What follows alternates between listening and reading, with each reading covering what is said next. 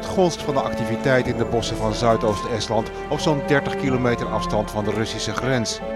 Millions of people holding hands for three countries stood together to assist the new democracies in Central and Eastern Europe and the former Soviet Union. Welkom bij de achtste aflevering van Albanië tot Zwitserland. In deze serie kruisen we heel Europa door uh, en dat doen we op alfabetische volgorde. In deze aflevering landen we op de Baltische Staten en zijn we aangekomen bij Estland. Even de Graaf, welkom. Goedemorgen. Het is alweer een hele andere hoek van Europa. Dat is wel leuk, hè? Ja, ik, uh, ik heb veel gereisd, maar ik uh, ben nooit in de Baltische Staten geweest. Uh, dat vind ik heel jammer. Lijkt me fascinerend. Jij bent er pas geweest, heb je me verteld. Lijkt me een geweldig, ja, mooi gebied. waar ook natuurlijk in het verleden al, in de middeleeuwen, de Duitse ridderorde zijn sporen heeft getrokken. Toch best wel altijd Duits georiënteerd is geweest. En altijd natuurlijk te maken had met buurman Rusland. Fascinerende landen. Ja, Estland en Rusland die zijn heel erg met elkaar verbonden. Um, dat begint eigenlijk al in de, in de 18e eeuw bij de Grote Noorse Oorlog. Wat, uh, wat is de rol van Estland in die oorlog? Ja, dan had je, in die periode had je twee grote mogendheden die elkaar de macht betwist in het uh, OC-gebied. Dat waren de Zweden en het waren de Russen. En de Zweden die had een geweldig imperium opgebouwd. En je kunt eigenlijk zeggen dat ze wat de hele OC, dat werd beheerst door toenmalige Zweedse Rijk. Dat had zijn bezitting tot in Duitsland toe, in Polen, tot in Rusland, in Finland. Een geweldig grote macht was dat. En het alles te maken ook met een uh, koning die ze gehad hebben. Een geweldige, bijzondere, opmerkelijke man. En, ja, geweldige kwaliteiten had hij. Karel XII die geleefd heeft van, uh, en geregeerd heeft van 1682 tot en met 1718. Dus ook in die Noordse oorlog is hij omgekomen. Geweldige vechtjas. En die nam het op tegen een andere geweldige vechtjas. Dat was Tsaar Peter de Groot. Een boomlange man, Tsaar Peter de Grote. Die was uh, bijna, ik denk wel twee meter. Stak met kop en schouders boven de mensen uit. Een uh, geweldige kerel die niet voor niks de bijnaam de Groot heeft gekregen. Die had zijn begeerig oog geslagen, ook op de Oostzee. En dat is toen ja, tot een geweldige botsing gekomen in die Noordse oorlog die gewoed heeft van 1700 tot uh, 1721. En um, Rusland die nemen dan Estland in. Estland valt vanaf dat moment onder Russisch bewind.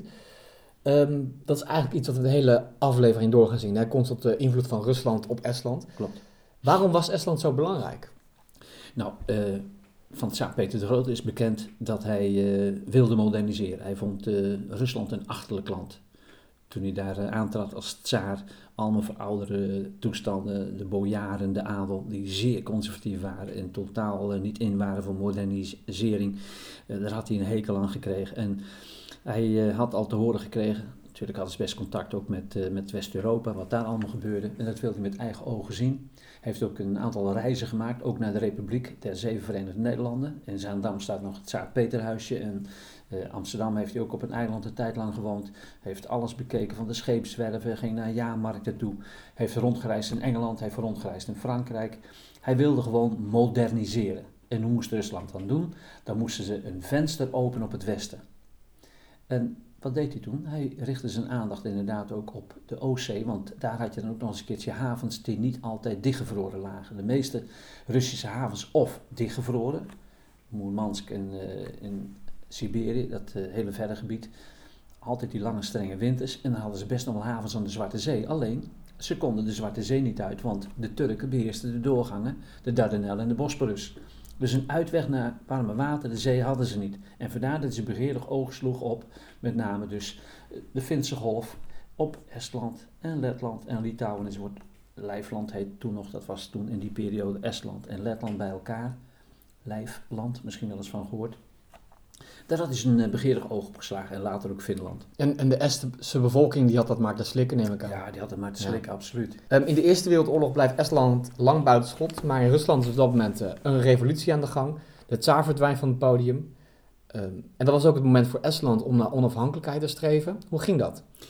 Ja, dat is uh, ook zo'n fascinerende periode in de geschiedenis. En nog een keer bij Rusland zullen we er uh, verder op ingaan. Uh, de Russen die werden natuurlijk ook de oorlog ingesleept, eigenlijk door uh, Servië. En uh, ze wilden solidair zijn, panslavisme, wat we al eerder hebben gezegd. als de oorlog begint in 1914, dan gaat het eerst eh, redelijk goed met de resultaten in de oorlog, maar al heel snel verliezen ze ook de slag bij Tannenberg, de, de. De Russische generaal is niet echt capabel. Die maken er eigenlijk een, een potje van en dan gaat de tsaar zich ermee bemoeien. En die leidt ook achter elkaar grote nederlagen. En gevolg is natuurlijk dat ook uh, door gebrek aan van alles en nog wat, uh, al het geld werd gestoken in de oorlogsindustrie, in de bewapening, dat de mensen honger lijden, dat er opstanden komen. En dan zie je inderdaad dat met name de communisten uh, daar in dat potje zitten te roeren natuurlijk. En ook nationalisten moet ik echt zeggen. En dan heb je de staatsgreep eerst van de Democraten nog, van Kerensky, die een voorlopige regering vormt in februari 1917. En dan heel stom, hij belooft vrede aan de bevolking en vecht toch door. En dan maken de communisten daar gebruik van, Lenin, zelfs nog een schitterende ja, act geweest ook van de Duitsers in de Eerste Wereldoorlog. Die hebben hem uit Zwitserland gehaald, waar hij verbannen zat. In een verzegelde trein hebben ze hem door Duitsland, door Denemarken, door dat Scandinavisch gebied naar Finland geloodst. En toen is hij daar de grens overgestoken en heeft daar de Oktoberrevolutie uitgeroepen. En hij beloofde en maakte dat waar, ik maak een einde aan de oorlog.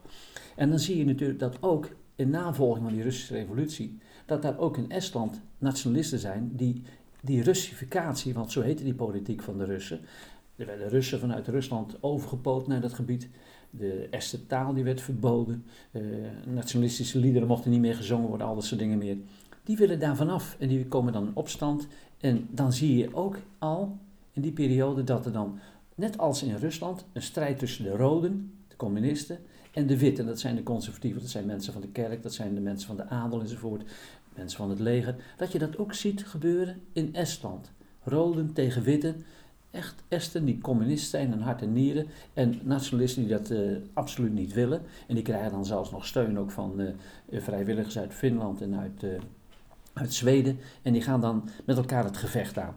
En dat is dan eigenlijk de allereerste Estse onafhankelijkheidsoorlog die dan voegt. En uiteindelijk gewonnen wordt niet door de roden zoals in uh, Rusland, maar door de witten, door de tegenstanders van het communisme.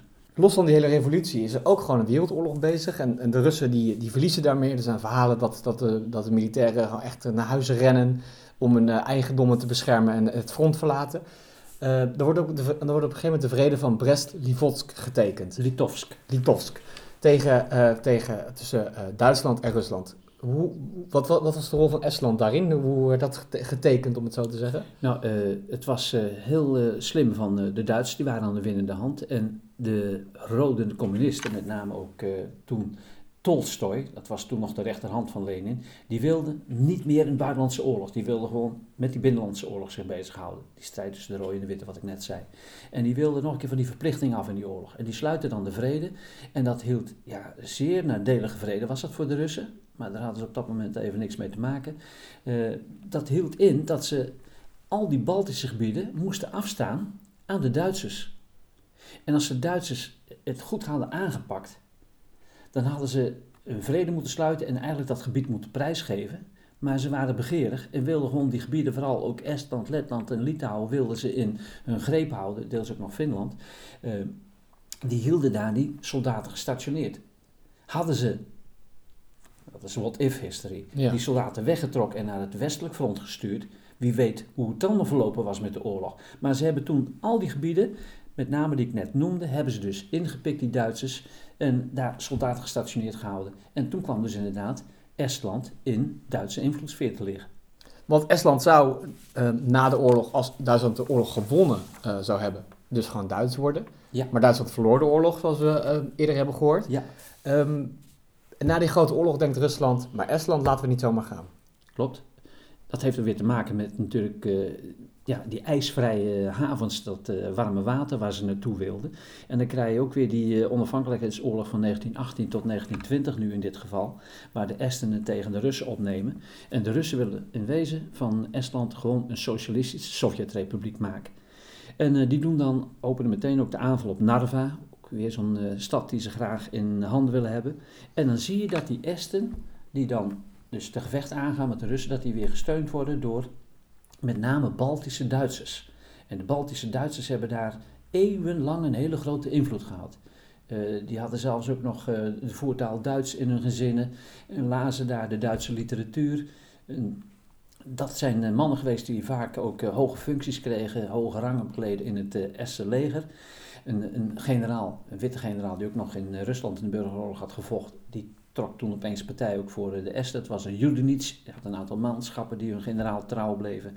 Maar zelfs ook Engeland die stuurde kruisers naar de, de havens toe om te laten zien, wij steunen de Esten.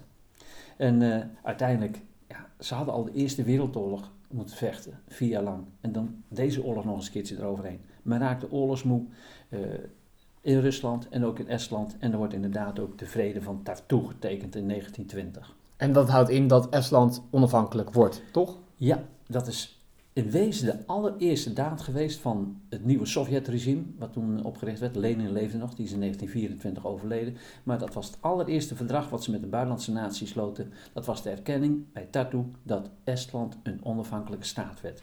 En de Sovjet-Unie zag voor eens en voor altijd af op Est grondgebied. Voor eens en voor altijd. Wel tussen aanhalingstekens geplaatst natuurlijk. En uh, we zullen het ook met Finland zullen we dat belichten. Er werd zelfs ook nog een speciale vrede met Finland gesloten, daar in diezelfde stad, Tartu. Want eens en voor, al, uh, voor, voor al, altijd, dat blijkt uh, relatief te zijn, 1939. Van heel korte duur. Dan sluiten Hitler en Stalin het Molotov-Ribbentrop-pact, het niet-aanvalsverdrag, het Hitler-Stalin-pact, hoe ja. al dan niet.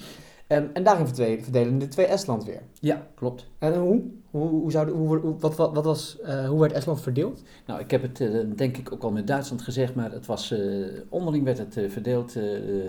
Russen die wilden terreinwinst, die wilden ooit, als er weer een oorlog zou komen, dus dat hadden ze best wel in hun achterhoofd, met, met name ook Duitsland, dat dan de frontlinie naar het westen al was opgeschoven. Die wilden gewoon Finland, Estland, Letland, Litouwen, wilden ze tot hun invloedssfeer rekenen.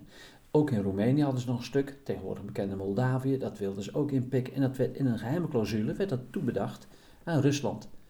En uh, ja, je weet, uh, Hitler had natuurlijk ook zijn uh, voorwaarden. Die heeft toen West-Polen heeft hij opgeëist. Maar die Baltische staten, die kwamen weer helemaal in de invloedssfeer van Rusland te liggen. En dat waren eigenlijk de bufferstaten voor, voor, voor, voor, Stalin. Ja.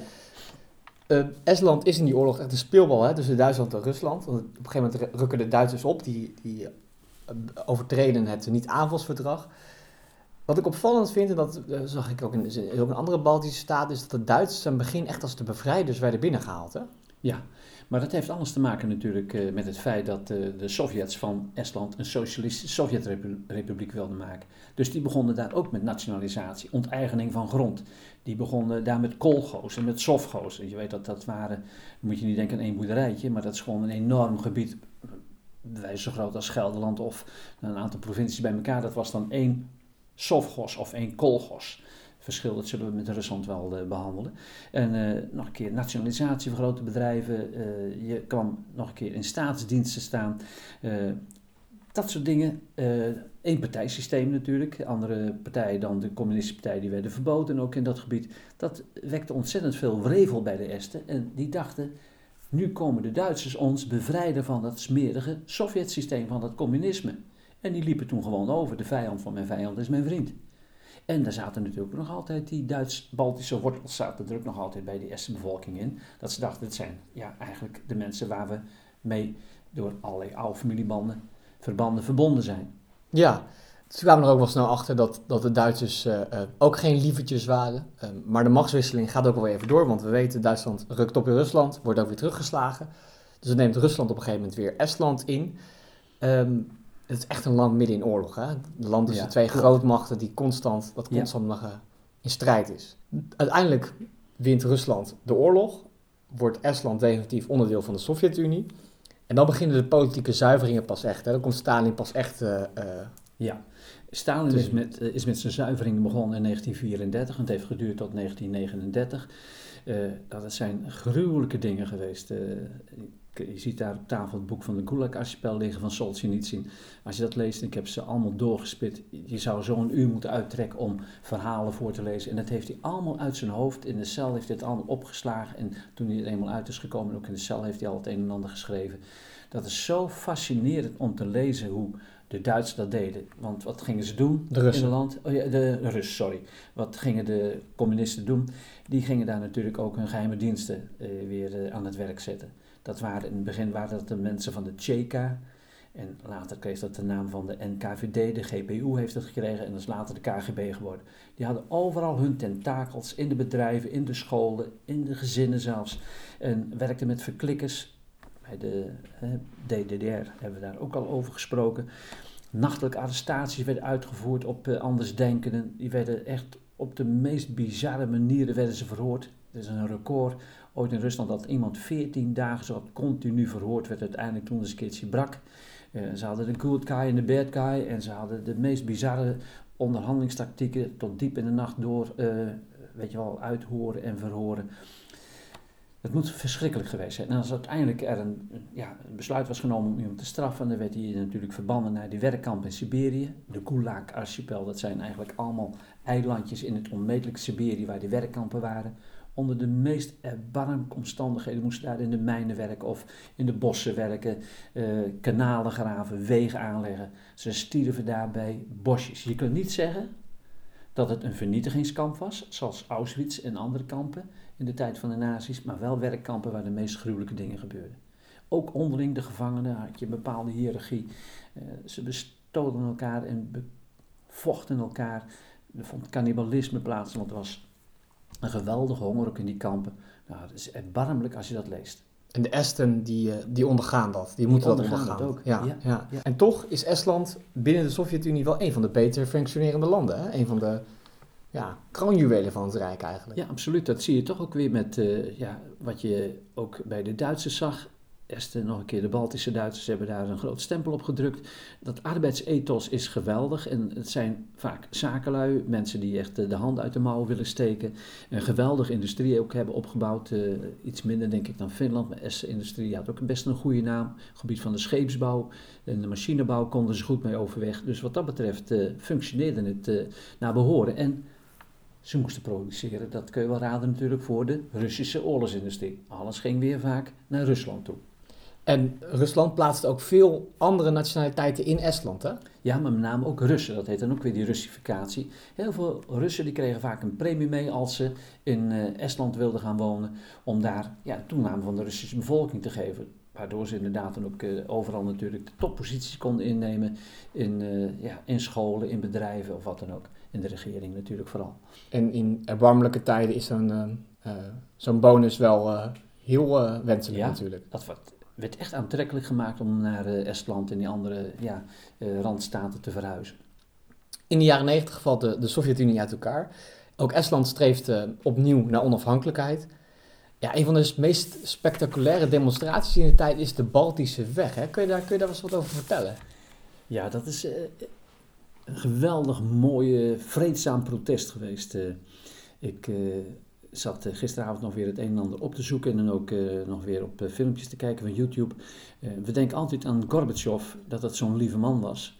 Maar die heeft toen toch echt wel, ook op het eind van de jaren tachtig, heeft hij ook troepen en tanks ook naar de Est-Republiek toegestuurd. En ook naar Litouwen en ook naar Letland. omdat duidelijk te laten merken van luister, jullie moeten niet denken dat er nu een tijd is aangebroken dat je je kunt losmaken van het Russische Rijk. Wij zijn en blijven de baas. En dan zie je opeens op 23 augustus 1989, dat is een uh, zwaar beladen datum natuurlijk tegen in die gebieden, want dat is precies 50 jaar na het Hitler-Stalin-pact. Het uh, Ribbentrop-Molotov-pact.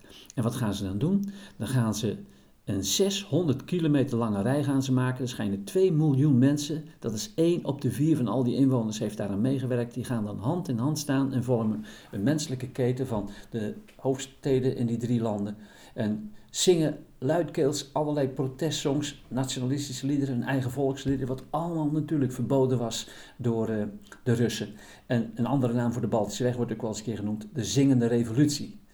Een leuke naam en echt een van de mooiste ja, aansprekendste uh, momenten van geweldloos protest tegen ja, eigenlijk het uh, Russisch overwicht in die staten. Had het nou ook effect? Het heeft zonder meer effect gehad, want uh, we hebben het gezien, hè? 23 augustus 1989 en 9 november 1989, nou, eigenlijk een aantal weken later, was de val van de Duitse muur. En toen was ook meteen in 1990, toen uh, Gorbachev aan de kant werd geschoven en uh, Yeltsin de macht greep, was dat een einde aan uh, oude ja, Sovjet-staat gekomen.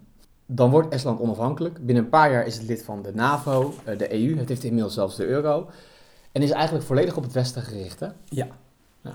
Dat is inderdaad eh, toch een opmerkelijke gang. Aan de andere kant kun je duidelijk zien dus dat eh, Estland en Letland en, en Litouwen veel meer westers georiënteerd zijn geweest altijd. Dat heeft toch met die oorsprong te maken met de Duitsers die daar in de middeleeuwen al zich gevestigd hebben. En dan zie je dat ze een heel eh, ja, modern eh, land zijn, Estland toch wel. Vergeleken met, met Rusland, met de Sovjet-Unie, voormalige Sovjet-Unie. En dat ze ook weten ja, aan te poten enzovoort, de handen uit de mouw weten te steken. Terwijl dat, dat lethargische, dat vind je veel meer, eh, dat afwachten en alles maar over zich heen laten komen, geen eigen initiatief ontwikkelen, vind je veel meer bij die Slavische bevolkingsgroepen dan bij de Esten in dit geval. Dankjewel voor deze uitleg eh, over Estland.